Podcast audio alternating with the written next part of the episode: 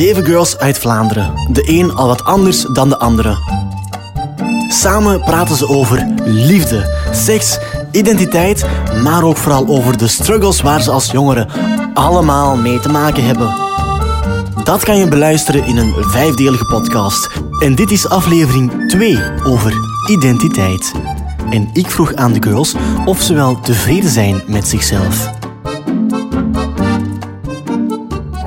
Is, dat is iets wat ik nooit in mezelf kan zeggen, dat het goed genoeg is. Ja, dat was ik ook al. Ja, ook gewoon dat ik zo altijd zoveel druk voel om zo alles op mij te nemen en tegen alles ja te zeggen.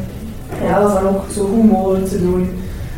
Ehm, en ja, dat, dat speelt ook. En, ja, dat is niet altijd goed voor mij. Ehm, dus ja, iets goed genoeg, allee, dat duurt heel lang iets echt goed genoeg is. Dus die lat ligt nu zo Die er veel hoger bij mij. de, de goed genoeg lat ligt hier al en het En ik daar ga nog naar boven. Ja. ja. dat is soms wel, en ik word dan soms wel moe van mezelf. Hm. Ehm, dus ja, dat komt ook soms wel tegen mijn gezicht. Maar allee, ik weet dat nu ook van mezelf, dus ik ben ook wel zo aan het leren om nee te zeggen en vrede te nemen met bepaalde dingen. Ik snap dat echt wel, want ik ben ook zo, allee, vroeger was ik echt een enorme perfectionist, om dat eens zo te noemen, en echt een strever en ik ben nog steeds wel een beetje een strever, maar ik bedoel, ik heb echt wel geminderd. En ooit, twee jaar geleden tijdens de les psychologie heeft onze lector ooit gezegd van het hoeft niet altijd een 10 op 10 te zijn of een 9 op 10, maar het mag soms ook eens een, een 6, een 5 of eens een 4 zijn. En dat is ook oké.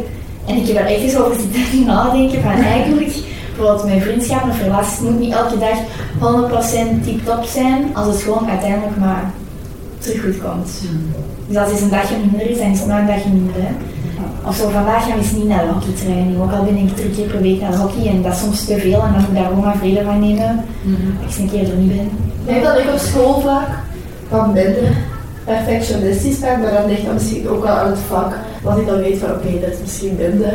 Dan ga ik er ook niet de hele tijd over piekeren. Of dat ik wel best wel fel leef van het komt dan goed. Maar zelfs als het niet goed is, dan denk ik om, probeer ik om te denken, er zijn veel erger dingen in het leven dan is een slecht punt hebben. Dat was ook al, dat denk ik ook als een kantelpunt, want ik weet het op het vijfde middelbaar of zo. Toen ben, moest ik mijn rapport gaan halen en ik had zoveel stress en ik dacht dat echt heel slecht ging zijn, want ik wist gewoon dat het niet goed ging zijn. Dus ik had super veel stress daarvoor, maar twee dagen daarvoor of zo was er een jongen van het, ons middelbaar verongelukt, omdat hij tegen een boom was gereden en die was verongelukt. En toen gingen we een rapport halen en ik zei tegen mama, mama, ik denk echt dat het niet goed gaat zijn. En mijn mama zei toen ook van, ja, er is gisteren, of eergisteren, ik weet niet het was, een jongen verongelukt. Dus er zijn echt veel erger dingen in het leven dan één keer een slecht rapport hebben. En ik denk dat dat ook wel zo was, en ik besefte van, goede punten is altijd leuk, maar dat is niet... Ik kan er wel mee leven als ik het minder punten. En of je nu tevreden bent of niet, staan de girls nu waar ze wil staan in het leven.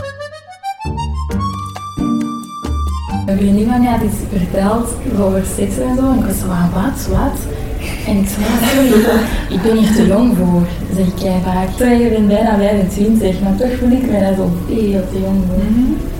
Denk je dat je op andere vlakken te oud bent? Nee, maar wel vroeger. Uh, ik weet niet dat hier al heb gezegd, als ik toen ik zo 16 was, toen wou ik zo alles in orde maken. En toen kocht ik al aandelen en zo, met mijn allemaal zo nu al bezig Dus ik wist dat ik maar dat was toen ik 16 was. Ja, dat is dan weer wel, hè. Ik bedoel, allee, Ja. je moet dan niet zelf zoals 16-jarige aandelen kopen. Dat is toch ook niet Ah, oudste, ja, hè. ja, ik me daar gewoon mee bezig en zo. Ja. En nu ben ik zo. Ik heb dat een beetje andersom nu. Ik ben heel blij waar ik nu sta, maar ik vind onze richting zo leuk en het einde is in zicht dat ik zoiets heb, oh, ik zou twee jaar terug willen. Dat het zo nog allemaal moest beginnen. En dat ik, ging, dat ik zo nu wist hoe leuk het ging worden. En ik zou die drie jaar echt gewoon opnieuw doen. Oh. Ja. Oké, misschien het eerste jaar niet. Maar twee en drie. Ja, en voor mij mag het echt nog wel een jaar duren. Alleen hoe het nu is, Ja. ja, dat is niet zo. Je hebt ook wel zo, met zo dat einde in het zicht dat je zo ook wel van, ah shit, ik moet hier dingen doen of allee, ik moet hier iets ondernemen of zo. En dat vind ik zo wel echt spannend. En dan weet ik zo niet of ik daar, of ik daar nu, in de, in de plaats waar ik dan mentaal nu ben, of ik daar kan. Allee, of dat je dat gaat kunnen. Ja. En dat, is, dat vind ik wel echt zo Heel spannend.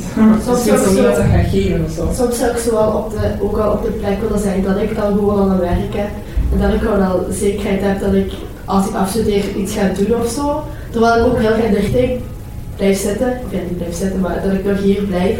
Maar dan zonder die onzekerheid van wat ga ik volgend jaar doen. Ja, bij mij ben ik momenteel wel goed aan het gaan in de periode. ik ben wel, ik vind het echt wel een leuke periode, zo nog student, maar toch wel zo wel wat, al, al wat ouder. Dus het is niet meer dat je zo thuis altijd verantwoording moet afleggen of zo. Mag je naar een feestje gaan? of? Allee, vroeger was dat misschien, maar nu is gewoon veel meer vrijheid. Maar toch heb je zo de zekerheid van thuis. Dat is wel een beetje, nu komt op dat kantelmoment van we gaan afstuderen, hopelijk in juni. Ja, als ik natuurlijk ook gaan werken, geld verdienen. Veel geld verdienen, hopelijk. En zo mijn eigen plekje en zo, maar langs de andere kant denk ik, nou, ik wil nog Ja, drie jaar verder studeren. En waarom niet als ik dat kan, denk ik dan zo. Ik ga zo die persoon zijn, ik ben 40 en ik wil ook nog iets.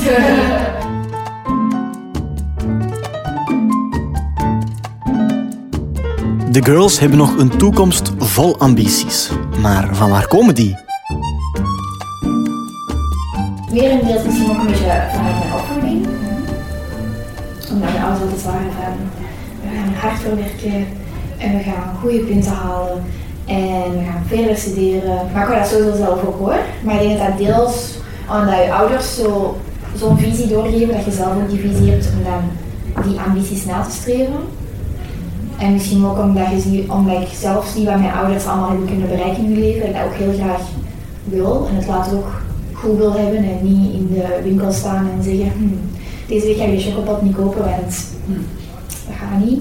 Dus alleen, ik wil het later wel hebben en ik denk dat die ambities die ik nu heb, die daar wel naartoe gaan streven. En ik denk dat, het- dat, dat ik ook wel hoge ambities in mijn hoofd heb, omdat ik gewoon denk van, ik ben hier op de wereld om iets te veranderen, zeg maar. Dus ik heb gewoon in mijn hoofd, ik moet iets doen wat de wereld zou veranderen. Dat, dat ik, ook al is het niet veel, gewoon een klein beetje beter maakt. Mijn mama werkt bij het OCMW, dus die is altijd wel zo. Ja, ik heb wel van thuis idee van, van iedereen accepteren en zo, maar niet uit waar je vandaan komt. Welke, dus ik ben wel blij dat ik zo ben opgevoed met de gedachte dat iedereen het verdient, dat iedereen gelijk is en zo. Dus ik denk dat dat ook wel heeft beïnvloed op mijn denken van dat ik de wereld op een mooiere, een mooiere plaats wil maken. Zodat ik, omdat ik zo in mijn hoofd heb dat ik het zo erg vind.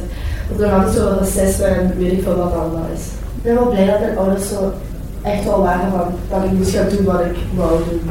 Dus als ik echt eh weet ik veel actrice wil worden en op de drama, dan zijn, dan zijn, zijn, zijn mijn ouders gewoon zeggen, doe maar. Ja. Probeer maar. Maar ik denk dat zo mijn ambities echt wel komt omdat ik mijn mama die werkt en doet haar job zo graag en ik heb die echt nog nooit horen zeggen van oh, weer gaan werken. Die vindt dat echt, echt heel leuk.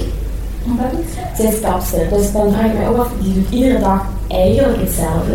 Maar die zegt zo leuk, ik vind dat leuk om als iemand binnenkomt om die met een mooi kapsel terug naar buiten te laten gaan.